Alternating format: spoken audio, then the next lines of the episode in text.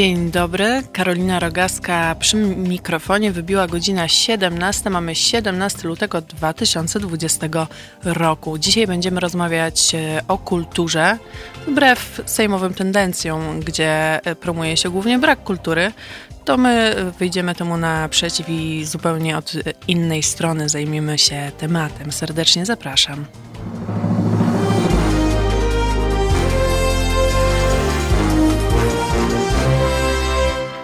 Zajmiemy się przede wszystkim e, sytuacją e, pracowników, którzy pracują w sektorze e, kultury. Moim gościem dzisiaj jest Łukasz Jaskuła, który pracuje w Teatrze Powszechnym i jest też działaczem Ogólnopolskiego Związku Zawodowego Inicjatywa Pracownicza. Dzień dobry. Dzień dobry. Mm, w zeszłym, w, w ubiegłym roku byłeś współautorem raportu o zarobkach e, w, w sektorze kultury, e, o tym przede wszystkim tej, znaczy tylko i wyłącznie tej warszawskiej, e, tego warszawskiej działki. Warszawskich instytucji tak, kultury. Tak, tak, Pełna kultura, puste konta. Z tego raportu wynika, no, że ta sytuacja pracowników i pracowniczek sektoru kultury no, nie wygląda zbyt dobrze. Co jest nie tak? Szerokie pytanie. Od czego tu zacząć? Od czego tu zacząć?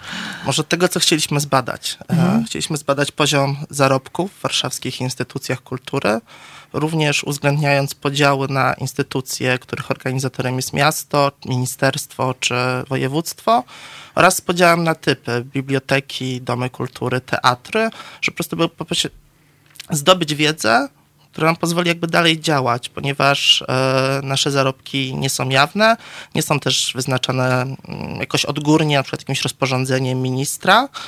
E, I chcieliśmy zbadać, jak to wygląda w poszczególnych typach instytucji. No i rzeczywiście e, dane są zatrważające. Mhm.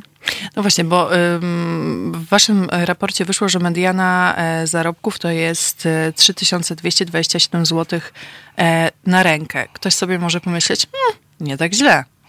E, tak, to w porównaniu z medianą krajową jest e, dosyć sporo, ale trzeba uwzględnić to, że mieszkamy i ponosimy koszty życia w Warszawie, które są dużo, dużo większe i spojrzeć na nasze pensje w odniesieniu w ogóle do rynku płac e, w Warszawie Warto przypomnieć, że średnia zarobków w Warszawie w 2018 wynosiła 6433 zł brutto, a mediana 6100. Mhm. E, czyli już tak statystycznie nasze zarobki są o 1 czwartą e, niższe e, niż zarobki ogólnie pracowników w mhm. Warszawie. No tak, jeśli ktoś chce nawet, załóżmy, wynajmować samodzielnie mieszkanie. nie ma mowy. tak, to zarabiając 3000 zł musi wydać co najmniej e, połowę swojej pensji, a raczej dwie trzecie nawet. Więc to tak, jest... E, w naszym raporcie policzyliśmy koszty życia w Warszawie. Zrobiliśmy tak taki koszyk dóbr i usług i rzeczywiście taka średnia pensja, która jest możliwa do, do zarobienia w Warszawskiej Instytucji Kultury nie pozwala nam na przeżycie, ewentualnie pozwala na przeżycie e, z miesiąca na miesiąc przy oszczędzaniu e, w wypadku, kiedy zachorujemy, bądź jesteśmy postawieni w jakiejś kryzysowej sytuacji, mhm. nie wiem, naprawy pralki. Mhm. No to już musimy się zapożyczać u rodziny, e, u przyjaciół. No tak, i warto tutaj mm, pewnie dodać w tym momencie, że y, praca y, w sektorze kultury, tutaj w tych instytucjach publicznych w Warszawie, niekoniecznie wygląda tak, że jest 8 godzin i się idzie do domu, tylko y, robi się po godzinach po prostu bardzo często, które jak rozumiem nie są dodatkowo płatne. No nie, wiesz, jakby pracujemy w sektorze publicznym i jak wiele pracowników sektora publicznego, nauczycielek, pielęgniarek, pracownic żłobków, no kierujemy się jednak pewnego rodzaju misją publiczną, więc mhm. zależy nam na tym, żeby spektakle, wystawy, spotkania, które tworzymy w jak najlepszym poziomie i to czasem wymaga trochę więcej czasu, zwłaszcza, że e, instytucje oszczędzają na pracownikach e, i zwyczajnie jest czasem nas za mało do, do, do pracy, więc wykonujemy coraz więcej obowiązków. Mhm. Gdzieś ch chyba w wywiadzie w, z Jakubem Majmurkiem powiedziałeś coś takiego, że e, jest też nadprodukcja nie wiem, czy i spektakli, i, i jakichś wydarzeń kulturalnych. Czy pracownicy próbują o tym jakoś rozmawiać z dyrekcją, że po prostu wymyśla za dużo, a później nie ma komu tego robić, bo nie starcza rąk? E, myślę, że w poszczególnych instytucjach takie problemy są zgłaszane. To może jakby wyjaśnijmy słuchaczom, czym jest nadprodukcja. Mhm. To jest po prostu produkowanie zbyt dużo e, wydarzeń w stosunku do możliwości kadrowych, finansowych, zasobów mhm. e, instytucji. Kiedy na przykład mamy kilka premier też się odbija kosztem e, odbiorców e, warszawskiej kultury, bo jest tu tyle wydarzeń, że jakby każdego wieczoru można przebierać w tysiącach propozycji i, i nie sposób jest e, wszystkim uczestniczyć. Mhm. Więc jest też jakby ze szkodą zewnątrz za pracowników, którzy są wyeksploatowywani i, i odbiorców, którzy e, mają tak dużo wydarzeń, że nie są w stanie we wszystkim uczestniczyć, mhm. co ich nawet interesuje. Mhm. E, I kolejna kwestia to e, umowy śmieciowe. Tak. E, w naszym raporcie spytaliśmy również o ilość osób pracujących przez co najmniej pół roku, przez cały rok, na umowach innych niż umowa o pracę, ponieważ dużo instytucji, instytucje kultury pracują, współpracują z artystami, współpracują z różnymi zewnętrznymi partnerami i często mhm. odpowiednią formą zatrudnienia e, jest umowa o dzieło czy umowa zlecenie. Natomiast uznaliśmy, że w sytuacji, kiedy ktoś już ponad pół roku pracuje na śmieciówce, to jakby tu coś zaczyna być nie halo. E, I wyszło nam, że jedna piąta pracowników warszawskich instytucji kultury pracuje na tego typu umowach. Mhm. To jest mhm. bardzo też niepokojące, że publiczny sektor, który powinien być wzorem, standardem e, zatrudnienia e, dla całego rynku pracy, mhm. też premiuje e, umowy śmieciowe i z nich chętnie korzysta.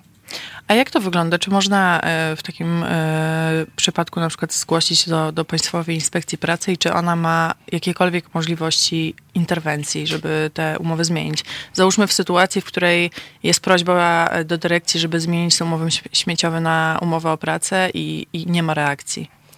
Tak, e, to można zgłosić do Państwowej Inspekcji Pracy. Niestety Państwowa Inspekcja Pracy nie ma uprawnień zmiany takiego stosunku pracy. Nie może pracodawcy nakazać, halo, halo, e, e, zatrudnia Pan na śmieciówce, osoba przychodzi codziennie do pracy, siedzi 8 godzin za biurkiem, e, to jest po prostu ma zwykły stosunek pracy, należy się umowa o pracę po prostu inspektor pracy może skierować sprawę do sądu, gdzie będzie się to toczyć latami. W mhm. tym czasie ta osoba może być po prostu zwolniona.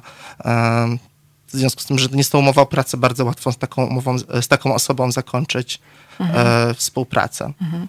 A jest duży, albo czy w ogóle jest e, właśnie strach przed, e, przed zmierzeniem się na przykład z dyrekcją w związku z tym, że potem będzie się miało różnego rodzaju kłopoty albo zostanie się zwolnionym? Tak, tak. E, pracownicy się boją. To jak w kulturze nie mamy rynku pracownika. E, wiele osób przychodzi do tej pracy z powodu właśnie poczucia misji, chęci pracy mhm. w kulturze i pozwala sobie na taki wyzysk e, kosztem realizacji swoich marzeń, pracy w teatrze czy, czy, czy w galerii. Mhm. E, I po prostu osoby się boją, bo też niestety w kulturze mamy wciąż bardzo słabe uzwiązkowienie w porównaniu z innymi nawet branżami w sektorze publicznym, jak z nauczycielami. E, I pozostają takie indywidualne strategie radzenia sobie e, z problemami, które no, nie są zawsze skuteczne. No, w mhm. starciu pracodawca, pracownik, no jakby pracownik zawsze jest na, na przegranej pozycji. A z czego wynika ten, to, to niewielkie uzwiązkowienie? Dlatego, że ci pracownicy są rozproszeni po różnych instytucjach? Wiesz co, myślę, że ono wynika z takich 30 lat mówienia, że po co są, że związki zawodowe są niepotrzebne, e, że są pokazywanie związkowców jako jakichś wąsatych, starszych panów, e, którzy zajmują się tylko e, swoimi stołkami i swoimi mhm. przywilejami. E, takie 30 lat wyrugowania w ogóle świadomości e, pracowniczej e, z ludzi. W tym momencie, jak młody człowiek kończący szkołę czy studia nawet nie wie, czy, czym są takie związki zawodowe, mhm. do, czego, do czego to narzędzie służy i, i jakie są jej możliwości.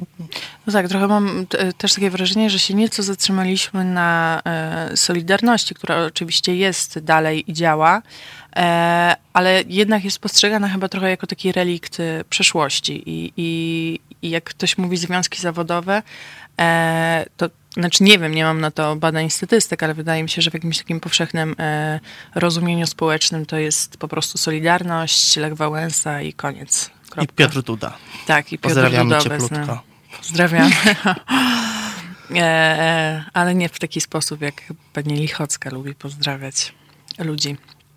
Przepraszam, mam po prostu tą e, Lichocką cały czas e, w głowie od tego wydarzenia sejmowego. Jakoś nie może mi, mi z niej wyjść, nie wiem, czy to dobrze.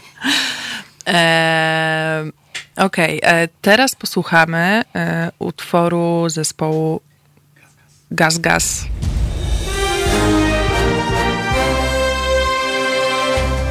Halo Radio. Gadamy i trochę gramy.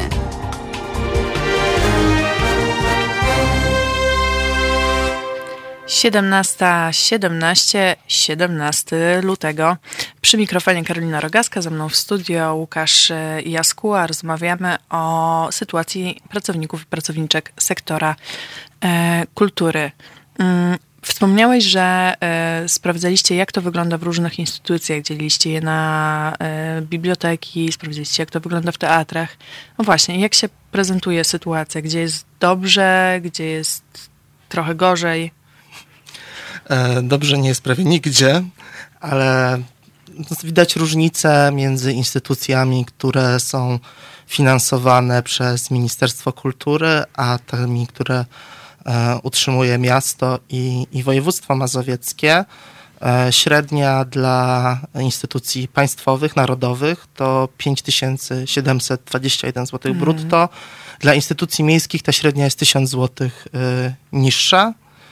E, najgorzej jest w bibliotekach i domach kultury, czyli tych instytucjach mhm. pierwszego kontaktu z kulturą, naj, najważniejszych dla mnie, mhm. E, gdzie mediana zarobków w obu tych typach oscyluje w granicach 4000 złotych brutto, czyli to jest 2900 na rękę. Mhm. Jest parę takich dla, dla mnie zastanawiających przypadków, kiedy okazuje się, przykład mm, Teatr Narodowy, Opera Narodowa, czy Biblioteka Narodowa, czyli takie najbardziej prestiżowe, najważniejsze dla kultury mhm. ogólnopolskiej, dla kultury kraju instytucje płacą najgorzej, ale generalnie to e, różne instytuty, również te powołane w ostatnim czasie przez e, ministra Glińskiego w ramach tej nowej polityki kulturalnej płacą e, znacznie lepiej. Hmm. Czyli minister Gliński e, dba o swoich pracowników po prostu.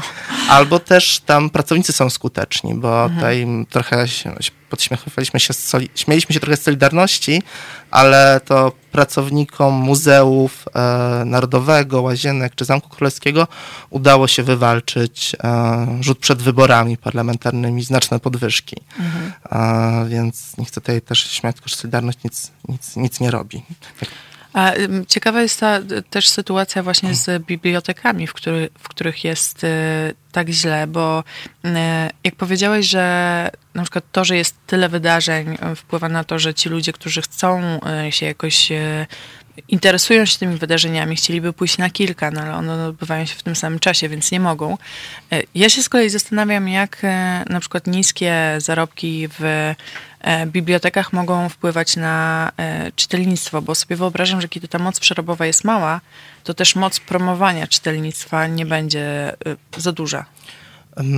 Bardzo, powiem Ci bardzo prosto. Są w Warszawie biblioteki, które mogły być dłużej otwarte, dostosowane na przykład do późnych godzin powrotów z pracy w Warszawie, tylko nie są, bo nie masz pracowników. Po prostu brakuje osób za te zarobki, które proponują biblioteki. Mm ludzie nie chcą podejmować tej pracy w związku z tym, że rynek pracy w Warszawie oferuje dużo lepsze zarobki w sektorze prywatnym. Mhm. Więc tu już jakby masz e, mhm. przykład e, taki, który ogranicza czytelnictwo, tak? bo mhm. brakuje kadry, żeby otworzyć filię biblioteki, żeby wydłużyć godziny pracy biblioteki. Mhm.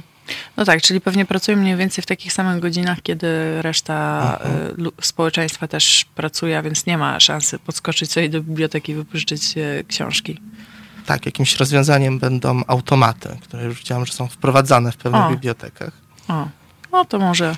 Chociaż nie wiem, czy automat tak. Doradzi. Tak, doradzi, ale yy, w ogóle się zastanawiam, jakby takie automaty miały wyglądać. Przecież książek w bibliotece jest dużo. Ale to, to może na yy, yy, inną rozkminę, że się tak wyrażę e, kolokwialnie. Mm, to nie jest y, jedyna różnica, jeśli mówimy właśnie o tych y, zarobkach i o tych różnicach, bo okazuje się, że mm, nie wiem, czy to nie będzie nadużyciem to słowo, ale że kobiety są dyskryminowane w sektorze kultury, zarabiają mniej. E, tak jak wszędzie. Tak, tak jak wszędzie, to tak. sektor kultury jest w ogóle bardzo sfeminizowany. 64% pracowników Warszawskiej Instytucji Kultury to tak de facto pracownice. E, przy czym właśnie w bibliotekach, w których zarabia się najgorzej, 84% E, pracujących to kobiety. I rzeczywiście wyłapaliśmy taką tendencję, e, ponieważ pytaliśmy też o ilość zatrudnionych kobiet, mężczyzn, średnią pensję dla kobiet i mężczyzn danej instytucji, że im więcej kobiet jest zatrudnionych w danej instytucji, to trend jest taki, że te pensje w tej instytucji rzeczywiście mhm. są e, niższe. Są też czasem rażące dysproporcje już w pojedynczej instytucji pomiędzy średnim wynagrodzeniem kobiet mhm. i mężczyzn w studiach filmowych, teraz już połączonych w jedno studio filmowe, e, e, te różnice wynosiły 2000 zł brutto. No ale to wynikało również z tego, że często to mężczyźni są e, kadrą zarządzającą, mhm. dyrektorami, mhm. szybciej awansują. No tak. Co jest, no właśnie, tak jak powiedziałeś, to się dzieje niestety w całym w całym kraju, w różnych e, sektorach, nie tylko, nie tylko e, tym, e, tym kulturalnym. I jest to bardzo smutne, ale ja się też zastanawiam, jak mówisz o tych danych wszystkich, które, które udało Wam się zdobyć, czy było łatwo? Bo jakby dostęp do informacji publicznej powinien być łatwy i powszechny, i kiedy ktoś chce, to powinien dostawać E, wszelkie informacje publiczne, na e, jakie ma ochotę, ale sama wiem ze swojego doświadczenia, że różnie bywa. E, no, mieliśmy parę przebojów. Spytaliśmy 119 instytucji, które funkcjonują w Warszawie. Odpowiedziało nam 117. O. Jedna instytucja, rzeczywiście Muzeum Warszawy, nam odmówiło odpowiedzi na pytanie o średnią czy medianę zarobków, argumentując, że to są prywatne dane pracowników. E, gdzie skierowaliśmy sprawę do sądu administracyjnego i sąd przyznał nam rację, że tego typu dane jak średnia czy mediana są po prostu informacją publiczną, bo wydatkowanie finansów publicznych jest też informacją publiczną. Mhm. E, rzeczywiście było kilka instytucji, które pytały nas, po co na te dane, czy na pewno muszą, e, ale tutaj E, korzystając z pomocy e, prawników z sieci obywatelskiej Watchdog Polska, którzy zajmują się pomocą w dostępie do informacji publicznej, mhm. udało nam się te instytucje przekonać, że jednak jakby też podlegają ustawie i dostępowi do informacji publicznej mhm. i, i, udało się, jak, tak jak się w sprawie wszystkich instytucji te dane pozyskać. Mhm. A jak zebraliście te dane, to potem e, wystąpiliście z e, postulatami. Tak. E, opracowaliśmy raport, tak, o którym wspominałaś na początku, mhm. Pełna kultura puste konta, gdzie na podstawie zawartych danych e, wysunęliśmy jako związek zawodowy, inicjatywa pracownicza, e, pięć postulatów e, dotyczących podwyżek wynagrodzeń, skończenia z outsourcingiem i umowami śmieciowymi, corocznej waloryzacji mhm. oraz e, jawności, e, jawności danych, jawności wynagrodzeń. Mhm. No tak, waloryzacja teraz szczególnie w kontekście rosnącej inflacji to jest bardzo ważna rzecz, bo jeśli zarobki mm, pozostaną te same, no to będzie jeszcze gorzej. Tak jak mówiłeś, że często to jest na granicy Mm, przeżycia w takim sensie, że wystarczy na jakieś podstawowe potrzeby i właściwie na nic więcej. To teraz, kiedy te ceny rosną, myślę sobie, że będzie jeszcze mm, trudniej, ale y, chciałam zapytać, o co chodzi z outsourcingiem? E, to dotyczy zmuszania osób e, do zakładania jednoosobowej działalności gospodarczej, gdyż jest parę takich instytucji, w których zaobserwowaliśmy to niepokojące zjawisko i w ten sposób wypychania ich z umów o pracę na, e, na, na outsourcing. Również tyczy to się tego, że część pracowników instytucji kultury, często tych e, najniżej w hierarchii, e, czyli osób sprzątających, ochrony, osób, które zajmują się obsługą wystaw, są zatrudniani przez zewnętrzne agencje, przez mhm. zewnętrzne firmy, czyli z jednej strony de facto są częścią zespołu, częścią pracowników instytucji, e, ale nie przysługują im z tego powodu te same benefity, które przysługują pracownikom zatrudnionych bezpośrednio przez instytucje. Czyli takie sprytne e, cięcie kosztów po prostu, jak, tak, jak najbardziej się... kosztem e, ludzi.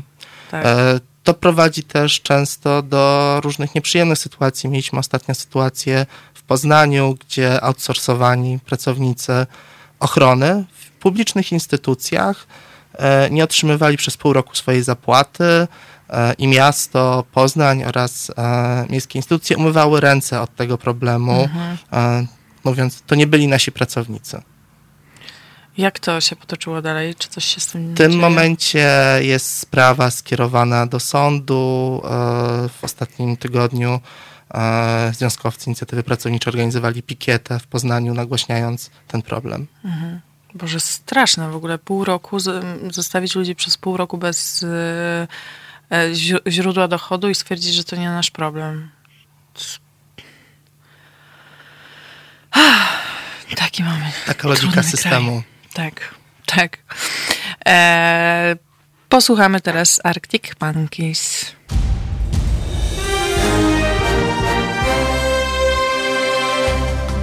Halo Radio.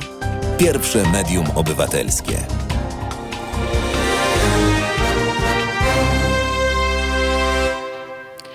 Drodzy słuchacze Halo Radio i oglądacze, ci, którzy na nas też patrzą, zamiast tylko słuchać.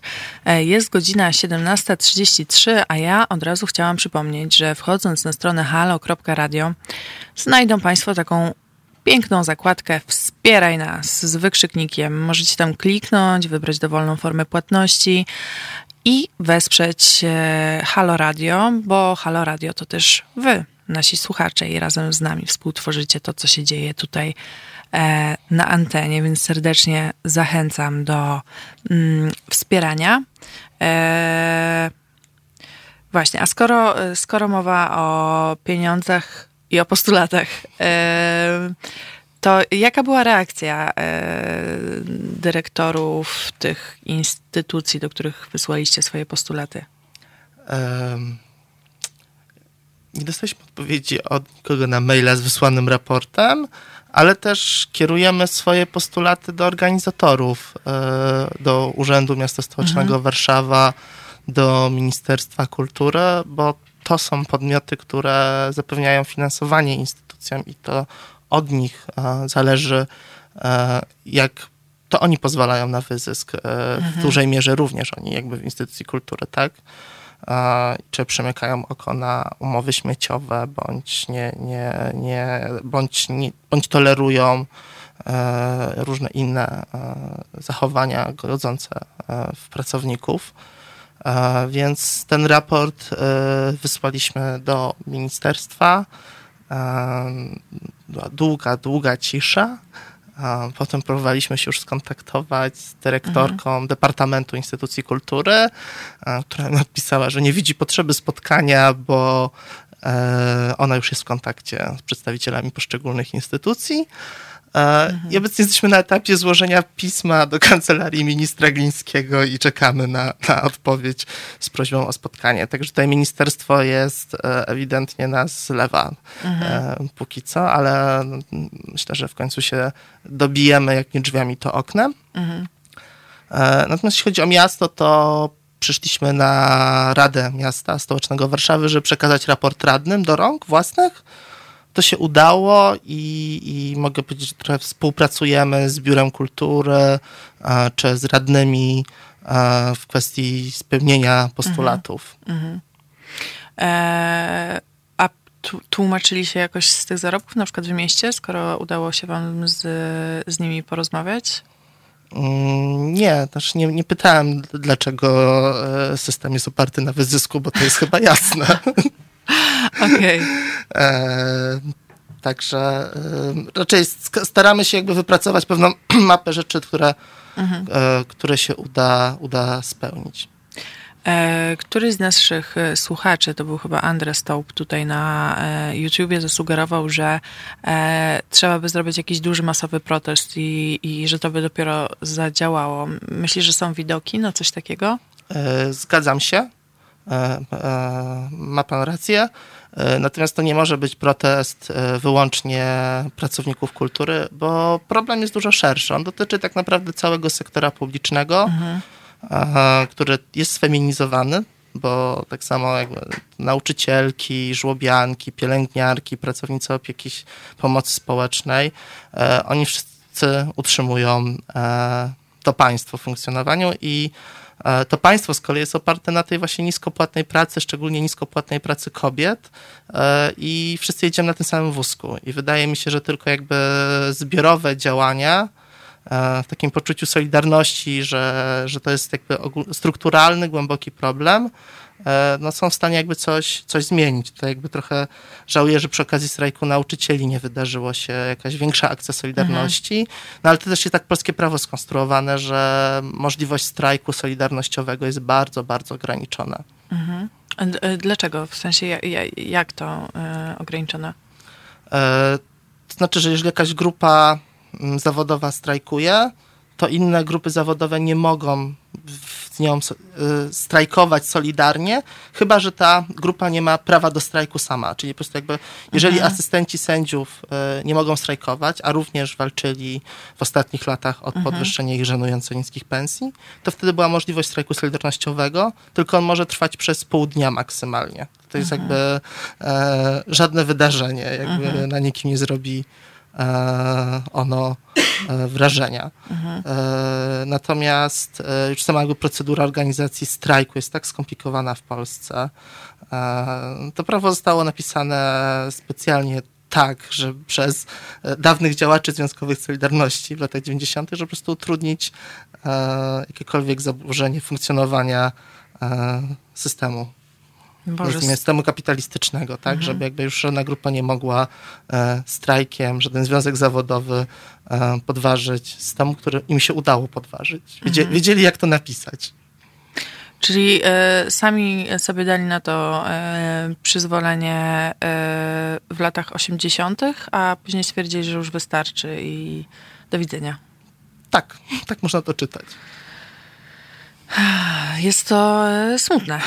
Jest to, jest to mm, smutne, ale w ogóle to, co się dzieje i, i w sektorze kultury, i nie tylko, y, jest smutne. No ale widzisz, no 2 miliardy złotych na TVP się znalazło, ale na zainwestowanie w cokolwiek innego nie. Może trzeba po prostu pracować w TVP e, i tworzyć disco polo. Też nie sądzę, że sytuacja w TVP jest świetna. E, znam przykłady pracowników, którzy z dnia na dzień kończyli pracę, e, bo byli zatrudnieni na śmieciówkach i można im było jednego dnia po, prostu podziękować, mhm. że już następnego dnia nie przychodzi do pracy, mhm. bo mhm. E, nie ma tu dla ciebie miejsca, czy zwolnień dyscyplinarnych. Także również TVP pod kątem praw pracowniczych zachowuje się no, w sposób karygodny. Mhm. No tak, słyszałam o przypadkach, że ktoś przychodził do pracy i widział, że już na przykład nie ma go w grafiku. Tak. I nikt go nawet wcześniej o tym nie, nie poinformował i dowiadywał się, że do widzenia, dziękujemy panu i no i tyle. E, a powiedz jak, e, bo rozumiem, że teraz czekacie na odpowiedzi i na razie jeszcze jakichś działań e, czy form nacisku e, na, na władzę nie, nie planujecie? Planujemy, ale wolałbym e, tutaj Zostawić zaskoczyć e, Jasne. Ewentualnie przedstawicieli władz mhm. I na razie nie zapowiadać. natomiast pracujemy z miastem. w tym momencie jest zgłoszona propozycja zwiększenia dotacji dla mhm. bibliotek o 9 milionów 200 tysięcy złotych, co pozwoli podnieść pensje pracownikom, pracownicom bibliotek średnio o 300 zł na rękę. I, i, I, czekamy na głosowanie na sesji Rady Miasta w tej sprawie. Mhm, mhm, super. E, trzymam kciuki, żeby się e, powiodło, żeby się udało. To zawsze, e, zawsze te 300 e, złotych więcej w budżecie, co na pewno nie jest e, bez, e, bez znaczenia. W ogóle się zastanawiam, tak, jak twoja przygoda w ogóle z inicjatywą pracowniczą się zaczęła? Pytanie, którego się nie spodziewałeś. Bum. Obudziłem się pewnego dnia, pewnego poranka, spojrzałem w okno i stwierdziłem, że muszę coś zrobić ze swoim życiem. E, serio, mieliśmy taki temat e, na zakładzie, że mhm. już może najwyższa pora się e, uzwiązkowić e, i, i, i nabyć pewnego rodzaju ochrony oraz narzędzi w celu walki o poprawę swojego bytu. Mhm. Więc jakby spotkaliśmy się w gronie pracowników i pracownic i przeszliśmy przez spotkanie założycielskie komisji. Mhm. Bardzo proste, bardzo łatwe, polecam. E, też e, też po, polecam, e, tym bardziej, że no u nas sytuacja w mm, Komisji Dziennikarek i Dziennikarzy wyglądała podobnie. Znaczy, po, po, był najpierw post Ewy, Ewy dziennikarki Ewy Kalety e, i wtedy przyszło jakieś takie otrzeźwienie, otrzeźwienie, że hej, jakby piszemy o prawach pracowniczych równy, różnych grup zawodowych, a, a nasze prawa po prostu leżą i dogorywają gdzieś tam zdeptane przez, e, przez e, pracowników. Pytam też o to, żeby trochę opowiedzieć właśnie o tym, jak teraz wyglądają i działają związki zawodowe, bo tak jak powiedzieliśmy na początku, wielu, wiele osób może nie zdawać sobie z tego sprawy, nie do końca wiedzieć, jak to wszystko funkcjonuje. Jakbyś opowiedział o zaletach bycia w związku zawodowym? Um Pierwsza zaleta to radość z bycia razem. Po prostu jakby masz poczucie, że nie jesteś sam ze swoimi problemami, tylko jest masa ludzi, którzy jadą na tym samym wózku, mhm. mają te same problemy. Jeśli nie w twojej instytucji czy w twoim zakładzie pracy, to e, kto jakby w innym. E, spotykamy się regularnie w ramach e, inicjatywy pracowniczej komisji działających na terenie e, Mazowsza i Warszawy i, i, i wspólnie, wspólnie działamy e, w różnych, na różnych polach, czy to aktywistycznym, czy, e, czy, czy jakby już dotyczący stricte konkretnych problemów e, w danym zakładzie pracy, czy danej osoby. Też staramy się zajmować trochę szerzej, nie wychodzić poza swój, swoje miejsce pracy, E, i, i zajmować się również takimi kwestiami ogólnospołecznymi, które nas dotykają, bo oprócz mhm. tego, że jesteśmy pracownikami i pracownicami, no to też jesteśmy mieszkańcami e, Warszawy, mhm. osobami, które no, martwią się przyszłością, e, klimatem, dyskryminacją i, i na tych różnych polach staramy się też działać. Mhm. No tak, takie poczucie e, wspólnoty, a raczej e, właściwie tego, że mm, bo często ludziom w trudnych sytuacjach wydaje się, że są jedyni i nie ma nikogo, kto przeżywa coś podobnego. E, a takie mm, jakby zebranie się razem i rozmawianie o tym, no rzeczywiście pozwala jakoś się podbudować i, to tworzy, myślę, jakąś taką dużą mm, siłę wewnętrzną też. Tak, tak, ale też jakby warto oczywiście wspomnieć o tych twardych narzędziach, które ma związek zawodowy, czyli e, może powinien, musi e, negocjować e, regulamin pracy czy regulamin wynagradzania, czyli to, co określa e, w każdym miejscu, ile możesz zarabiać, jakie są twoje obowiązki, jaka jest twoja podległość wobec szefa i, i co ci wolno, a czego nie. E, to samo tyczy się regulaminu Funduszu Świadczeń Socjalnych, czy również wszystkich innych dokumentów, które regulują e, funkcjonowanie miejsca pracy. E, często też pracownicy w ogóle nie wiedzą o różnych dokumentach, które regulują mhm. ich, ich zachowanie i dowiadują się zawsze w przykrym momencie zwolnienia często zwolnienia dyscyplinarnego, kiedy okazuje się nagle, że a tutaj jest jakiś paragraf, którego nie przestrzegałeś. A to jest, to jest w ogóle bardzo ciekawy wątek i ja chętnie do niego za chwilę wrócę.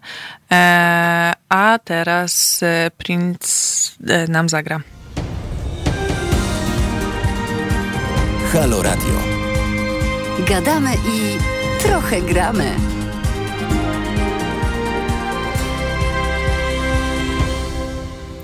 Halo Radio, godzina 17.52. Karolina Rogaska przy mikrofonie, ze mną w studio e, Łukasz Jaskuła. Rozmawiamy o sytuacji e, pracowników e, kultury i pracowniczek, oczywiście.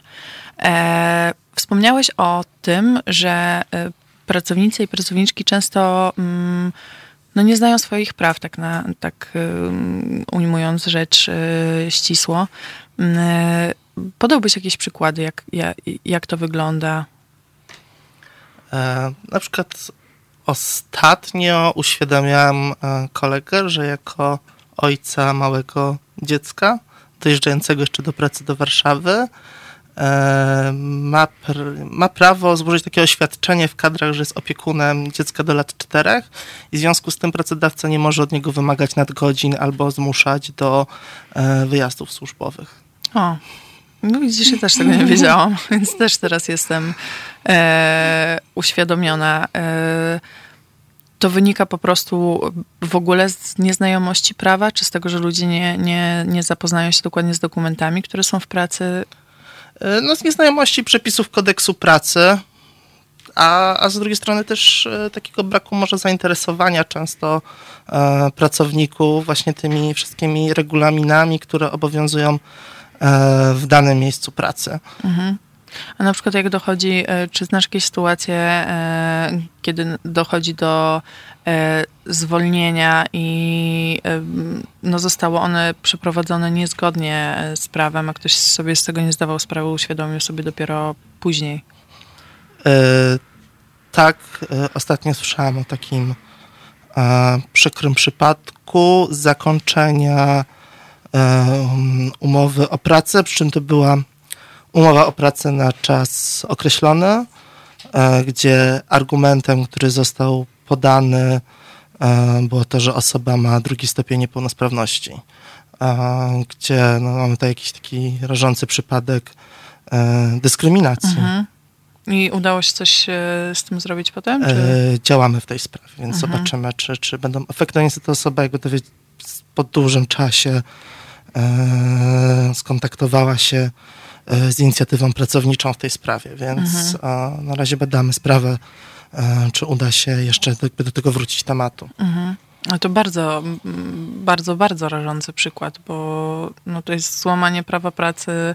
A, Na 100%. Tak, a też prawo pracy to mm, mam wrażenie, że jedno z niewielu, które y, rzeczywiście w jakiś sposób y, chroni y, społeczeństwo, między innymi w kwestii dyskryminacji. Tak, mamy bardzo, bardzo, bardzo fajny zapis e, e, chroniący e, pracowników ze względu na dyskryminację, e, na płeć, przekonania religijne, przynależność związkową czy orientację seksualną, co jest chyba nawet, wydaje mi się, jedynym zapisem w polskim Jedyny. prawie, e, gdzie, gdzie jest jakby wskazane, że nie można dyskryminować e, ludzi w pracy ze względu na ich orientację seksualną. Mhm.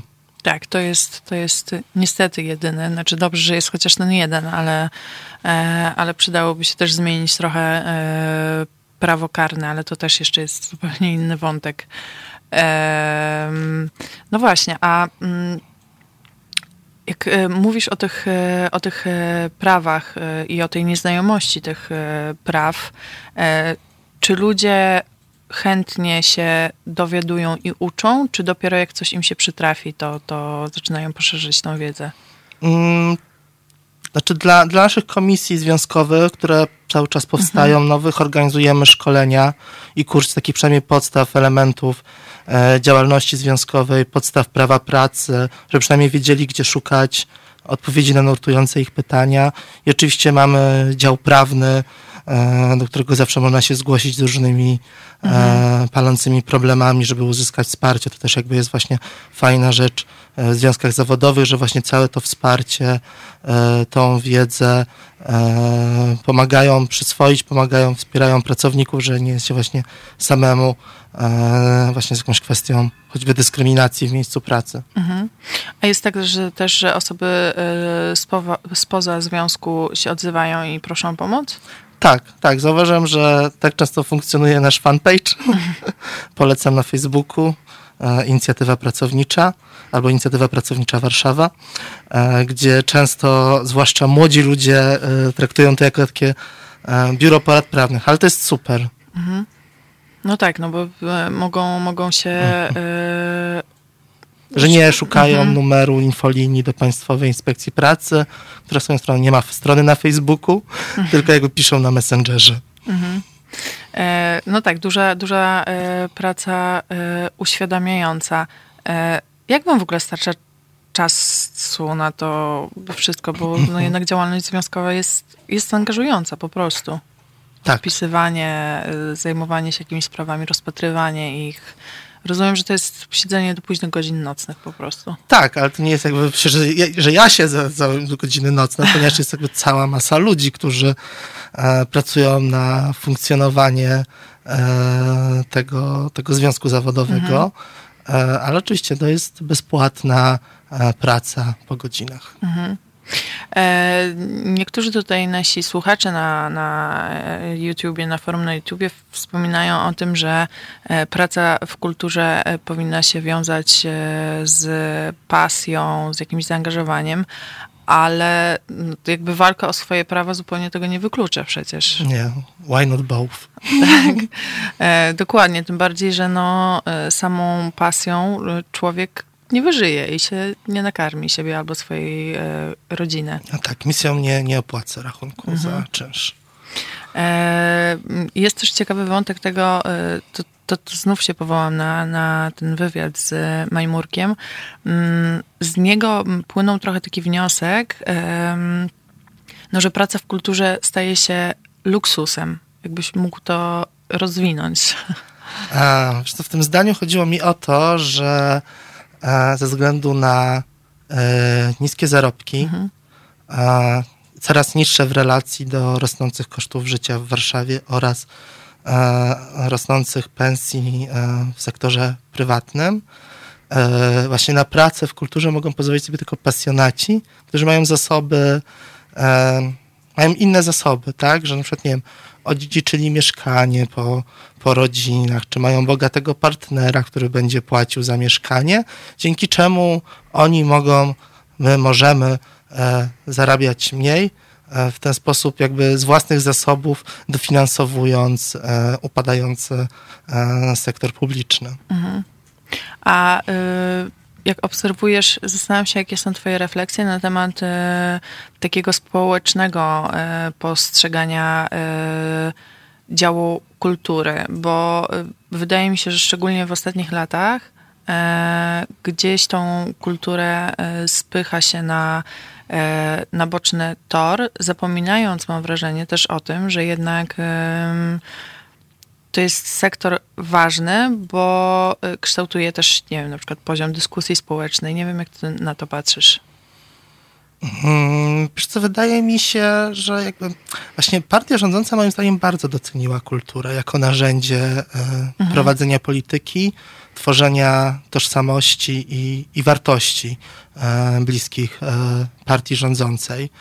E, no nie doceniła pracowników kultury, wciąż pozwalając na, nie, nie wprowadzając żadnych systemowych rozwiązań e, w celu polepszenia e, naszej sytuacji, no choćby jakby walki ze śmieciówkami się tu mhm, panoszącymi mm -hmm. strasznie. Mm -hmm. Natomiast przez wiele lat mi się raczej wydaje, że kultura była kojarzona z taką celebrytkością, gwiazdami znanymi z seriali, portale plotkarskie, tutaj pisały artykuły o jakichś niesamowitych garzach kilku, kilkunastu e, aktorów, mhm. e, zupełnie zafałszowując e, obraz sytuacji, że za tymi kilkunastoma aktorami czy, czy poczytnymi pisarzami stoi cała masa pań pracujących w bibliotekach, w, na różnych, w różnych małych miejscowościach, e, pracowników domów kultury, e, teatrów. E, I to się zmienia? Czy, czy, czy dalej jest, y, myślisz, takie wyobrażenie, że to właśnie ci e, celebryci e, tworzą e, kulturę i nie ma nic poza tym? Czy może coś, coś poszło do przodu? E, wiesz co, nie wiem. Nie, nie, nie, nie wiem, jaki jest stopień świadomości społeczeństwa na ten temat. Natomiast tak z przykrością widzę, że w sytuacji ostatnich cięć e, w budżetach samorządów w pierwszej kolejności obrywa e, kultura. Mhm. Jestem w takiej grupce na Facebooku dla bibliotekarzy i ostatnio tam mieliśmy taki wątek e, skracania etatów. W sensie, że mhm. e, samorządy w pierwszej kolejności uderzyły w kulturę i co bezpośrednio uderzyło ich pracowników. To znaczy, mhm. że jakieś lokalne biblioteki, gminne zaczęły ciąć etaty i ludzie nagle e, skracana im była często, nie, podejrzewam, że niezgodnie z prawem praca do wymiaru połowy czy jednej trzeciej etatu. Mhm. Gdzie pewnie w rzeczywistości wcale to nie była połowa. Za tym na pewno nie szło ograniczenie ilości obowiązków, czy, czy, czy właśnie e, czy wymiaru czasowego, mhm. takiego prawdziwego. Mhm. Dopytuję o to, o, to, o to społeczeństwo i to społeczne postrzeganie, bo myślę, że też w tej walce e, ważne jest e, to, żeby ludzie, którzy nie są w wymiarze pracy związani z sektorem kultury, mówili, kultura jest dla nas ważna. I e, po prostu zastanawiam się nad tym, e, jak to robić, żeby mm, rzeczywiście było, mm, był taki ruch w społeczeństwie, czy taki sygnał mhm. ze społeczeństwa, że to jest coś, co jest dla nich ważne. Nie, nie sprowadzające się tylko do tego, że skrytykuje się, nie wiem, Polską e, Fundację Narodową, która działa jak działa i promuje nas za granicą jak promuje tylko żeby było właśnie wyrażeniem takiej potrzeby, że my y, chcemy tej kultury. E, wiesz co, myślę, że w pierwszej kolejności to pracownicy muszą zrozumieć, że są ważni i poczuć swoją mhm. E, godność i dumę klasową. E, I jeżeli oni poczują, że są ważni i, i, i, i że ich miejsca pracy muszą być doceniane, to to wykona jakiś taki naturalny ruch w społeczeństwie. No jakby analogicznie patrzę na sędziów, osoby jednak z jakimś dużo wyższym kapitałem symbolicznym czy społecznym, którzy jakby będąc mocną grupą też jakby oddziałują na społeczeństwo mhm. i, i, i, dostają jakieś wsparcie. Mhm. A czemu y, pracownicy i pracowniczki kultury nie, nie, nie czują się ważni? Trudne pytania filozoficzne zadaję, widzę. Wiesz co, ja mogę tak chyba powiedzieć tylko o sobie, że mhm. przez e, takie pierwsze lata mojej pracy bardzo się cieszyłem, że pracuję tam, gdzie całe życie marzyłem, żeby pracować, czyli w teatrze, czyli w teatrze powszechnym.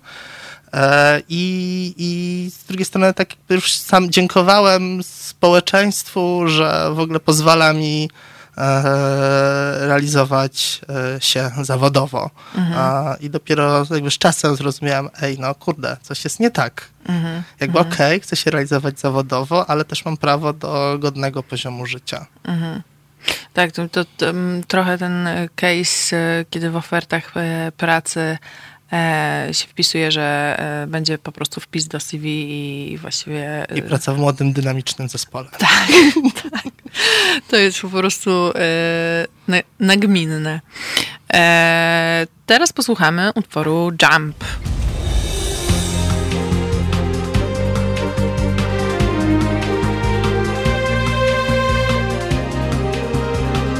Halo Radio. 18.10 wybiła. My rozmawiamy dzisiaj o sytuacji e, pracowników i pracowniczek e, sektora e, kultury. Pan Marcin Nembrowicz zadał pytanie na czacie na YouTubie. Czy istnieje pluralizm w kulturze? Widzę, że jesteś zaskoczony tym pytaniem, tak, tak samo jak ja, ale padło takie pytanie. Znaczy, Tak. Ja tutaj się wcinając, właśnie wydaje mi się, że tak, więc jakby yy, chyba sama do końca yy, nie rozumiem, ale yy, mogą Państwo zadawać dalej pytania, jeśli Państwo oczywiście yy, mają jakieś lub dzielić się refleksjami. Yy, zachęcam yy, do tego. Yy. O, ktoś, ale ktoś dopytuje o tą sprawę dyskryminacji osoby z niepełnosprawnością. E, rozumiem, że sprawa dotyczyła przedwczesnego zwolnienia e, z umowy na czas określony, a nie, że umowa wygasła. No chyba przedwczesnego zwolnienia. Nie, właśnie. no właśnie kwestia jest o tyle problematyczna, że umowa, umowa wygasła. Okej. Okay. Natomiast... E, Czyli nie było przedłużenia. Nie było przedłużenia, natomiast jakby został zakomunikowany taki powód. Mhm. A on był e, złożony tak, e, znaczy ten powód został zakomunikowany w jakiejś rozmowie, czy... czy... Tak, tak. To jest e, naprawdę... Masz w głowie jakieś inne takie... No nazwę to absurdami, ale to, to chyba będzie wręcz delikatne określenie, które, które się zdarzyły e, lub zdarzają w instytucjach kultury. Dotyczące zwolnień? E, dotyczące e, zwolnień, ale w ogóle też e, sposobu funkcjonowania w pracy, tego, czego się wymaga od urzędników. Jakieś takie rzeczy, które przychodzą ci do głowy i które gdzieś plasują się obok słowa absurd. No tak, tak jak rozmawialiśmy, jest kwestia umów śmieciowych, gdzie po prostu często jest to ewidentny stosunek pracy, to znaczy te osoby przychodzą do pracy codziennie od poniedziałku do piątku na 8 godzin, mają swoje biurko, znaczy mają swojego przełożonego, e, pracują w ramach jakiejś struktury, więc jakby wszystkie, stosun wszystkie elementy stosunku pracy są, a, a pracują przez lata na umowie zlecenie, e, często żeby nie wzbudzać podejrzeń. Te umowy zlecenie są podpisywane na pół roku i co pół roku jest e, podpisywana kolejna umowa i tak ciągnie się ten, mhm. to przez parę lat. Mhm. A jak wtedy, jeśli chodzi, jeżeli osoby są właśnie na takich umowach, a przynależność do, e, do związku zawodowego, bo to się chyba e, w styczniu ubiegłego roku e, zmieniły zasady tworzenia związków zawodowych. E, zasady przyjmowania członków mhm. to wynika z wyroku Trybunału Konstytucyjnego, mhm. który stwierdził, że niekonstytucyjne jest brak możliwości przystępowania e, do związków zawodowych, jeżeli nie jesteś zatrudniony na umowę o pracę i, i, i mieliśmy nowelizację tej ustawy po kilku latach też od wyroku. Mhm. E, inicjatywa pracownicza już wcześniej przyjmowała e, osoby, e, czy to na umowę o dzieło, czy zlecenie, e, czy na każdym innym stosunku e, rodzaju e, zatrudnienia. Więc takie osoby też mogą wstępować do komisji przy danym zakładzie pracy, ale w związku z tym, że nie mają umowy o pracę, to możliwość ich ochrony jest e, de facto trochę, jest mniejsza po prostu. Mhm. Nie, nie możemy takiej osoby objąć e, ochroną przed zwolnieniem, bo po prostu jakby wygasa jej termin umowy, zlecenia czy dzieła i, i, i jakby już nie wiąże ją stosunek mhm. pracy, więc można tylko zabiegać, żeby takie osoby były zatrudnione na umowach o pracę. Mhm. Żeby zadbać o ich, e, no i o ich bezpieczeństwo tak naprawdę e, i ciągłość mhm. finansową, e, jak, jak, jak to się mówi. E, a jeszcze odnosząc się właśnie do działalności związków zawodowych, bo w tej sekcji kulturalnej inicjatywy pracowniczej no jest, są zrzeszeni ludzie z różnych instytucji publicznych. Jak jaka jest moc oddziaływania w tych poszczególnych e, miejscach pracy. E, powiedziałaś o tym, na przykład, czego e, nie można zrobić, jeśli ktoś ma umowę zlecenia albo umowę o dzieło. A co można zrobić, jeśli załóżmy, że ma umowę o, o pracę? W jakich sytuacjach można interweniować, coś zmienić? W takich poszczególnych przypadkach, mhm. no to na przykład jakby jest ochrona przed zwolnieniem mhm. Mm, działaczy związkowych, też e, pracodawca przed każdorazowo przed e, zwolnie, próbą zwolnienia e, rozwiązania stosunku pracy z daną osobą musi wystąpić do związku zawodowego z prośbą o opinię i, i, i wtedy e, też e, związek zawodowy może sprawdzać, czy podstawy tego zwolnienia są faktyczne, zgodne z prawem, czy, czy nie do jakichś błędów proceduralnych też, które pozwalają mhm. takie zwolnienie osobę przed zwolnieniem E, ochronić. Mhm. E, również e, są jakieś inne benefity, są jakieś, słyszałem, że właśnie są związki zawodowe, które na przykład paczki swoim pracownikom na święta, swoim związkowcom przekazują. No jakby nie o to chodzi w działalności związkowej, ale podaję taki przykład, mhm. że benefity są najprzeróżniejsze, to zależy od też modelu działania danego związku mhm. zawodowego. Ale to, że się trzeba zwrócić po y, opinię, to jest w ogóle świetne, bo, bo y, pytanie też na ile się rzeczywiście y, pracodawcy stosują do tego, mhm. tak? E, ale no to jest już jakieś takie naprawdę realne narzędzie kontroli nad tym, co się dzieje w danym miejscu e, pracy, więc to jest w ogóle wow, niesamowite. Nie, nie, nie zdawałam sobie z tego e, sprawy że tak jest. Tak, no też jakby komisje związkowe negocjują poziom wynagrodzeń e, z pracodawcą, e, zwłaszcza w sektorze prywatnym, gdzie ta waloryzacja jednak postępuje co roku, to jakby przedstawiciele związków zawodowych siadają z pracodawcą, żeby wypracować wskaźnik, o jaki mają być podniesione pensje i w jakim stopniu różnym grupom mhm. pracodawców. No to się jakby tyczy tej tabeli e, w regulaminie wynagrodzeń. Mhm. I to jest tak, że pracodawca musi się spotkać, nie ma, tak. nie może odmówić? Tak, musi i, i też e, e, jeżeli w danym zakładzie pracy funkcjonuje jeden związek zawodowy, no to musi z nim uzgodnić e, ostateczną, mm, ostateczne jakby właśnie e, sytuację. Mhm. Jak to ma wyglądać? Bo właśnie myślę też w kontekście takich e, związków e, międzyzakładowych i no też trochę z własnego mm, doświadczenia wiem, że często mm, to się kończy po prostu zbywaniem. I to jest.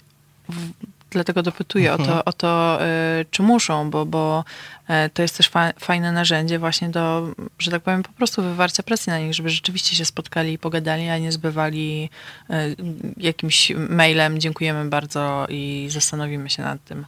Jasne. Pracodawcy często nie znając sami prawa, e, mhm. to ignorują, e, no to wtedy jakby zostaje już droga, czy to skargi do Państwowej Inspekcji Pracy, czy droga sądowa e, o utrudnianie działalności związkowej, czy, czy, czy nierespektowanie po prostu przepisów prawa. Mhm. A jeśli w jednym zakładzie jest dużo osób, które są na umowach o dzieło i umowach mhm. zlecenie, no i one przynależą do, do takiego międzyzakładowego y, związku zawodowego, czy to działa w ten sam sposób, czy musi ktoś być na tej umowie o pracę? No niestety nie. W sensie no, osób zatrudnionych na umowę o dzieło czy zlecenie nie dotyczy regulamin wynagrodzeń. Mhm. Chociaż oczywiście można się starać przemycić e, w tym regulaminie czy w jakichś innych dokumentach e, poprzez związek zawodowy regulacje, które też tym osobom by by pomogły, tak? Mhm. Czyli na przykład e, można postarać się wprowadzić jakąś e, regulację dotyczącą płatności za te umowy, mhm. że, że płacimy mhm. do dziesiątego, a nie e, trzy miesiące po wykonanej pracy. No tak. I, tego, I tego potem i to monitorować i, i zgłaszać w przypadku nieprzestrzegania. Mm. Ale to wszystko zostaje już w takiej miękkiej sferze kreatywności poszczególnych mhm. związków zawodowych, tego, co można, co nie można, siły wywierania na, na, na pracodawcy, e, też jego podejścia. No to już jakby jest trochę e, większa walka do wykonania. Mhm. Ale czy w, w takim przypadku też muszą się zgodzić na spotkanie, mimo że są te no właśnie umowy śmieciowe? No, generalnie pracodawca powinien negocjować, bo to też jest w jego interesie chyba, żeby jednak jakby prowadzić dialog mhm. E, z osobami, które zatrudnia i jakby wiedzieć, jakie są ich problemy. No tutaj trochę sobie wyobrazić pracodawcę, który to kompletnie ignoruje, bo jakby no jakoś źle prowadzi swój zakład pracy.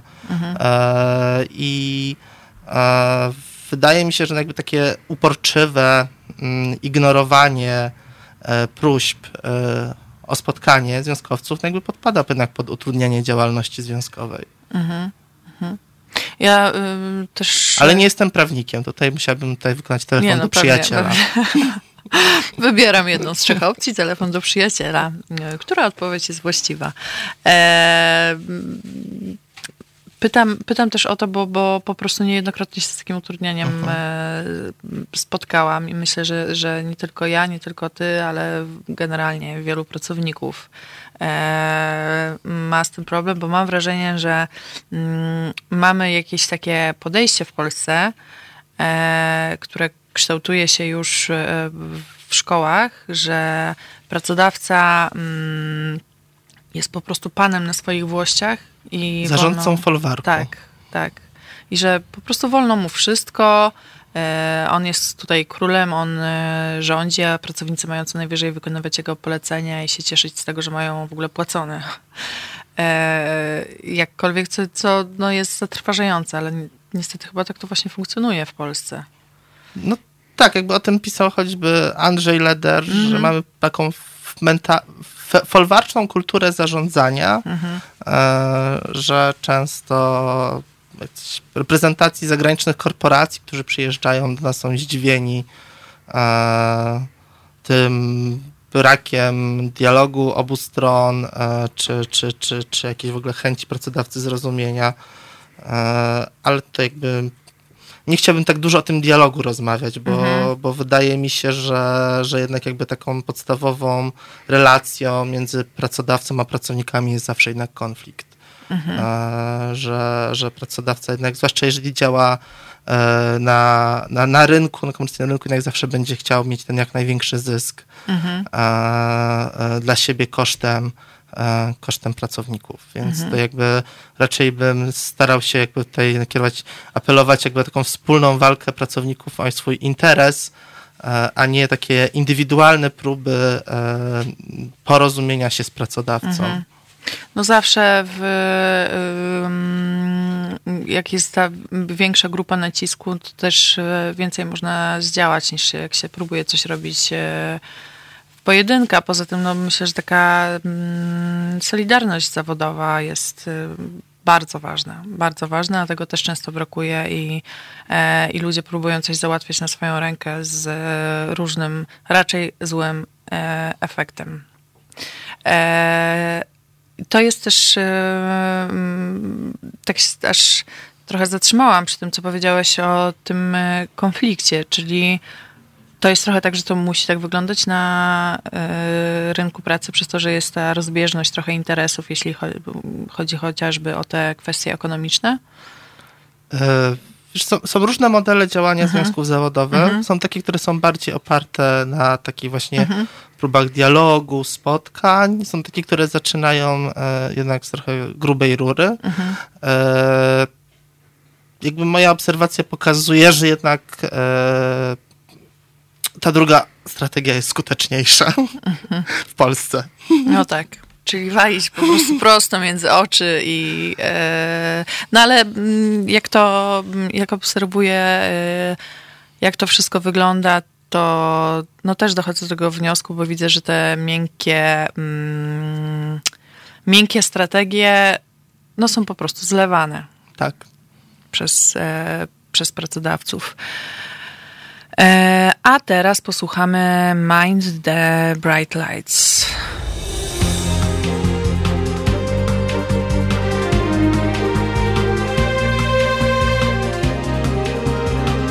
Halo Radio.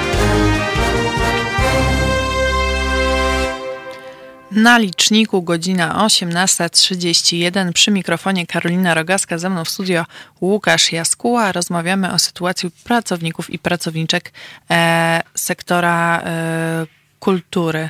Wśród waszych e, postulatów jest jeszcze jeden dotyczący jawności. Tak. E, zarobki to nie tabu. e, to, z czym też się borykamy często na, na rynku pracy w kulturze, to jest kompletna tajemnica e, zarobków. E, chcielibyśmy i, i postulujemy, żeby instytucje kultury zaczęły wreszcie w ofertach e, pracy umieszczać proponowane wynagrodzenie, tak zwane widełki. Mhm. E, w ogóle nie robią.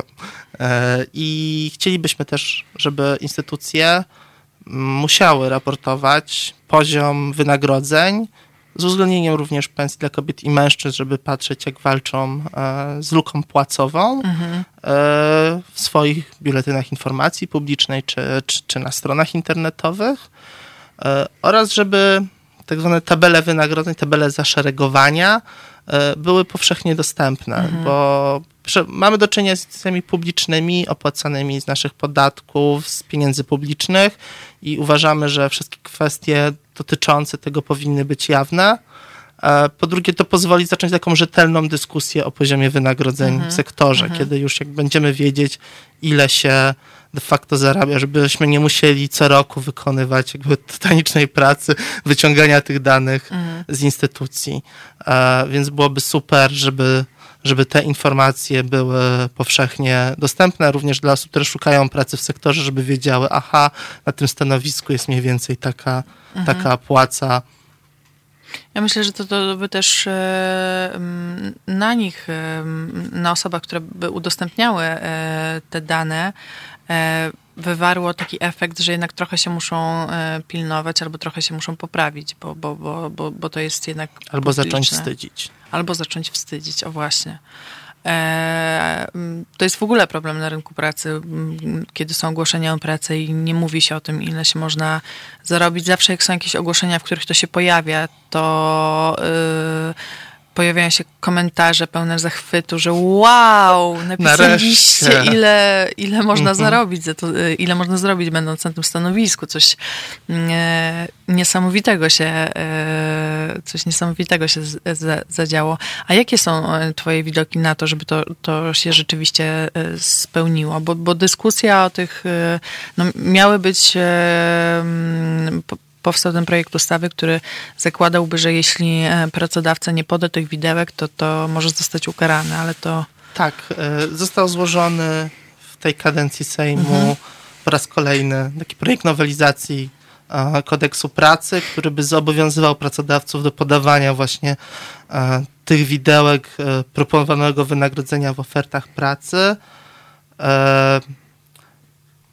nie wiem, stety czy niestety ten projekt złożyli przedstawiciele e, jednej z partii opozycyjnych e, i w związku jakby z logiką takiej wojny plemiennej, którą część, e, część Polek i Polaków uczestniczy, a przynajmniej polityków, to jakby zostało już jakby zostało to skrytykowane, tak? Zostało skrytykowane przez przedstawicieli prokuratury generalnej, inspekcji pra generalnego inspektora pracy, e, również, e, czego zupełnie nie mogę zrozumieć, Solidarność wyraziła e, właśnie negatywną opinię na temat tego projektu, twierdząc, że on uderza w dobra prywatne e, pracowników, e, jakim jest informacja w ogłoszeniu o pracę o proponowanym wynagrodzeniu. No tak, szok, niedowierzanie. Wiedzieć, ile się zarabia, to rzeczywiście jest po prostu. Ile straszne. można zarobić. Ile można zarobić. E, więc czuję, że ten projekt e, zostanie niestety odrzucony, co jest totalnie głupie, bo to jest to jest rozwiązanie pożądane przez Polaków. Jak przeglądałem jakieś raporty na podstawie właśnie stosunku Polaków do jawności płac z ostatnich lat, tak mniej więcej od 60 do 80% Polaków życzyłoby sobie tego e, rozwiązania. Mhm. E, ktoś dzwoni do nas. E, no właśnie, to jest, to jest e, całkowicie mm, absurdalne. Zresztą tutaj widzę, że nasi słuchacze też piszą, że to jest temat e, tabu dla, e, dla wszystkich. Dzień dobry, panie Sebastianie. Dzień dobry, pani Karolina. Witam również gościa Łukasza. Dobry. Przekazałem głos na w sobotę brałem udział w niemalże debiutanckim projekcie Jak darmowiady chodzi. E, Bardzo słabo pana słyszymy. Bardzo słabo. Halo, halo? Halo? O, teraz chyba będzie Mogę nieco... mówić dalej? Tak. No nawiązuję do tego, że w sobotę, może głośniej będę mówił, w sobotę brałem udział w y, projekcie Jarka Ważnego pod tytułem Darmowiady w Łotwie i dlatego troszeczkę tam to, to moje gardziołko jest takie nadszarpnięte. I chciałbym zapytać, bo tutaj y, mówicie y, o, o tym, że, że, że jest y, no, mało pieniędzy, są umowy śmieciowe w, teatrze i u aktorów, y, ale czy też, no to ta, ta sytuacja się dotyczy, prawda, artystów, muzyków grających na scenie, wychodzących do, do publiczności, że póki oni sobie sami nie załatwią koncertu, nie przyjdzie tam y, widz, który zapłaci za ten bilet, to no to jest identyczna sytuacja, no nie wiemy. Jeśli to organizuje jakiś y, management, który mówi, że nieważne ile osób przyjdzie, wam płacimy 10 tysięcy za koncert, no to jest okej. Ale jeśli jedziemy za sprzedaż biletów, no to nigdy nie ma pewności, i, i, ile tych ludzi przyjdzie, ile tych fanów, prawda? Mhm. No tak. No właśnie. I, i, i teraz, y, czy, czy u artystów jest inaczej, że y, mm, mają y, umówio, umówieni są z dyrektorem, dajmy na to teatru, bo wydaje, że tak mi się wydaje, y, na pensję miesięczną i nieważne ile przyjdzie fanów, ile przyjdzie widzów, czy to jest też płacone od y, tak zwanej głowy, od człowieka? To by mnie interesowało. Czy pan pyta o wynagrodzenie aktorów, czy, czy muzyków? Tak, tak, czy... tak, tak. No nie, muzyków to nie, bo muzyków to doskonale wiem jak jest, y, aktorów. E, Wie pan, to zależy od tego, czy, czy aktor jest na etacie e, w teatrze, e, czy jest osobą gościnnie zatrudnioną. Osoby, które są zatrudnione na etacie, mają tak zwaną podstawę. Ona często oscyluje w granicach pensji minimalnej, bądź jest nawet niższa. I dostają dodatkowe wynagrodzenie od każdego zagranego spektaklu.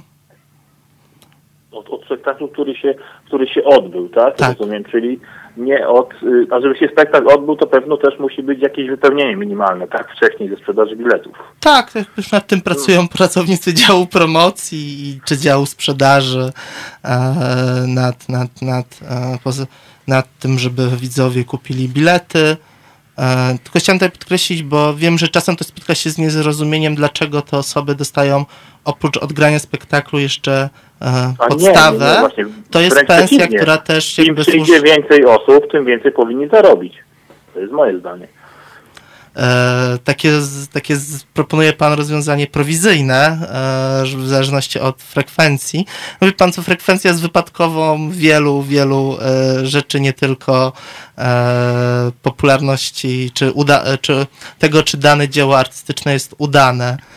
Więc tutaj nie wiem, czy, czy tak należałoby regulować poziom wynagrodzeń, zwłaszcza, że byłby jeszcze bardziej niestabilny. To mi jest, jest, mi jest y, dużo bliższy, końcu- mi jest dużo bliższy na poziom końcu- niemieckiego, wy, y, niemiecki system, gdzie w Niemczech aktorzy mają kontrakty ze stałą pensją przez kilka lat, tylko w ramach nich mają są... zapewnione bezpieczeństwo. Tak. Tak. To też jest fantastyczne, dokładnie tak, tak.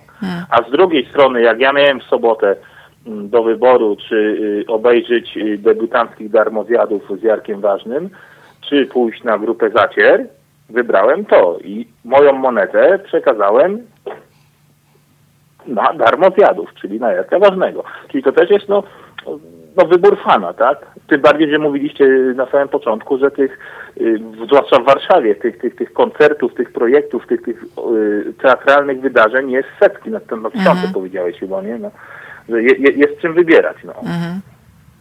To prawda. No tak, zawsze można wybrać, e, czy się wesprze początkującego artystę, czy kogoś, kto już jest e, długo e, na tym rynku. Tak. Bardzo, bardzo panu dziękujemy za, za głos Okej. w dyskusji i, i pytania. Pozdrawiam serdecznie. Pozdrawiam. E, no tak, to, to e, też był e, ciekawy głos, a my teraz e, posłuchamy muzyki. Jam, listy do M.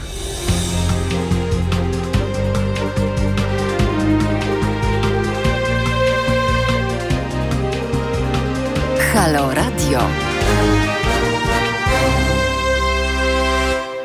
18.48 zostało kilka minut naszej audycji dotyczącej e, sytuacji pracowników i pracowniczek e, kultury. Gdyby chcieli Państwo później sobie odsłuchać e, całość, bo dopiero do nas dołączyli, to oczywiście jesteśmy na platformach streamingowych, na przykład na Spotify'u, Apple Podcast, Google Podcast. Możecie też później ponownie odsłuchać audycji na na Facebooku, do czego serdecznie e, zachęcamy. E, pojawiły się tutaj głosy, po pierwsze dotyczące tego pani Barbara e, Słotwniska. E, pisze, że e, w teatrze pensja nie może być uzależniona od ilości widzów. Wtedy poszli, poszlibyśmy w popkulturę i zaraz e, pojawia się głos pani Ewy Siwek, że zadaniem instytucji kultury nie jest generowanie zysków, ale kreowanie i promowanie wydarzeń artystycznych i dzieł sztuki oraz edukacja. Dlatego jest mecenat państwa i zapisy konstytucji. Pozdrawiamy panią Ewę. Tak, pozdrawiamy serdecznie. Eee, o, i jeszcze, jeszcze pani Ewa pisze, bo to też jest e, ciekawy głos. Nie zrównujmy sztuki ze stradą, bo to do niczego nie prowadzi, na pewno nie do rozwoju kultury, czyli do rozwoju społeczeństwa. No właśnie, ro, rozwój kultury i społeczeństwa też jest na pewno e, ze sobą powiązany, a raczej korzystanie z tych zasobów kulturalnych. E, ale o, o, tym, o tym już trochę mówiłeś, mówili, Sorry. Po prostu już e, chyba jakieś zmęczenie daje się we znaki. E, o tym już trochę mówiliśmy. E, no i też e, wspominałeś o tym, że e, państwo promuje raczej tą taką kulturę narodową i tutaj dobrze e, ją rozgrywa jakoś dla swoich potrzeb. Państwo, obecny rząd nie, nie, nie, nie chce tego rozszerzać na, na całe państwo. Mm, zgadzasz się z tymi wypowiedziami, e, które, które się pojawiły? No, Rachel. Rachel. E, Jaszka. Mm, myślę, że jest, to znaczy, czy w ogóle jest e, nacisk w sekcji tej kulturalnej, w sektorze, w sektorze kultury, żeby, żeby generować jakieś duże zyski, czy rzeczywiście stawia się na to, żeby po prostu e, pełniła tą e, rolę z jednej strony edukacyjną, e, z drugiej strony po prostu jakąś taką rozwojową? No niestety instytucje są zmuszone mhm. do komercjalizacji w związku z niewystarczającymi dotacjami na, na prowadzenie e, działalności kulturalnej. I myślę, że nawet gdyby bardzo chciały być bardziej dostępne przez, nie wiem, więcej bezpłatnych wydarzeń, czy, czy e, organizowanie wydarzeń artystycznych o pewnej jakości, no to często są po prostu też zmuszone do, do, do komercjalizacji, czy to repertuaru, czy, czy, mhm. czy, czy swojej działalności poprzez niegranie swoich spektakli, a zajmowanie się wynajmem przestrzeni, byle tylko dopiąć e, budżet. Mhm. E, pani Co Bar... nie jest fajne. No, domy, domyślam się, e, że, że to jednak odbiera sporo przestrzeni do takiej działalności kulturalnej i artystycznej po prostu. E, pani Barbara pisze też o czymś, o czym, o czym już mówiliśmy kilkukrotnie e, tutaj w e, trakcie audycji i o czym ty wspominałeś. Napisała, że w naszym małym mieście pensje w Domu Kultury są żenujące niskie, płaca minimalna. To też o tym wspominałeś, że wprawdzie na przykładzie Warszawy, ale myślę, że to mm, pewnie jest jakoś wspólne dla e, całego kraju, mm, że w tych domach kultury i bibliotekach te płace są. Oscylują często właśnie w granicy pensji minimalnej. Mhm. E, bardzo Ci e, dziękuję za rozmowę. Chciałam tu jakiś taki pozytywny akcent e, rzucić na koniec, ale to może po prostu będzie taki akcent, że mobilizujmy się i walczmy o swoje. Tak, to, muszę przyznać, że jednym z takich najbardziej pozytywnych i zaskakujących mnie efektów publikacji tego raportu było to, że odezwali się do nas pracownicy różnych warszawskich instytucji kultury, że oni też by chcieli się uzwiązkowić i, i, i cały czas powstają kolejne komisje, więc tak by Super. Czyli jest. Dzieje się coś dobrego. Jest, e, jest jeszcze e, siła i nadzieja e, w narodzie. Bardzo, bardzo to cieszy. Bardzo Ci dziękuję. Moim Państwa gościem był Łukasz Jaskuła. Dzięki. Dzięki. A na koniec o, o rewolucji, moi drodzy Państwo. Children of the Revolution.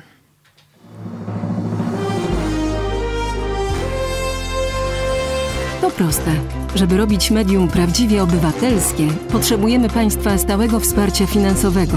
Szczegóły na naszej stronie www.halo.radio, w mobilnej aplikacji na Androida i iOS-a oraz na koncie Fundacji Obywatelskiej w serwisie www.patronite.pl.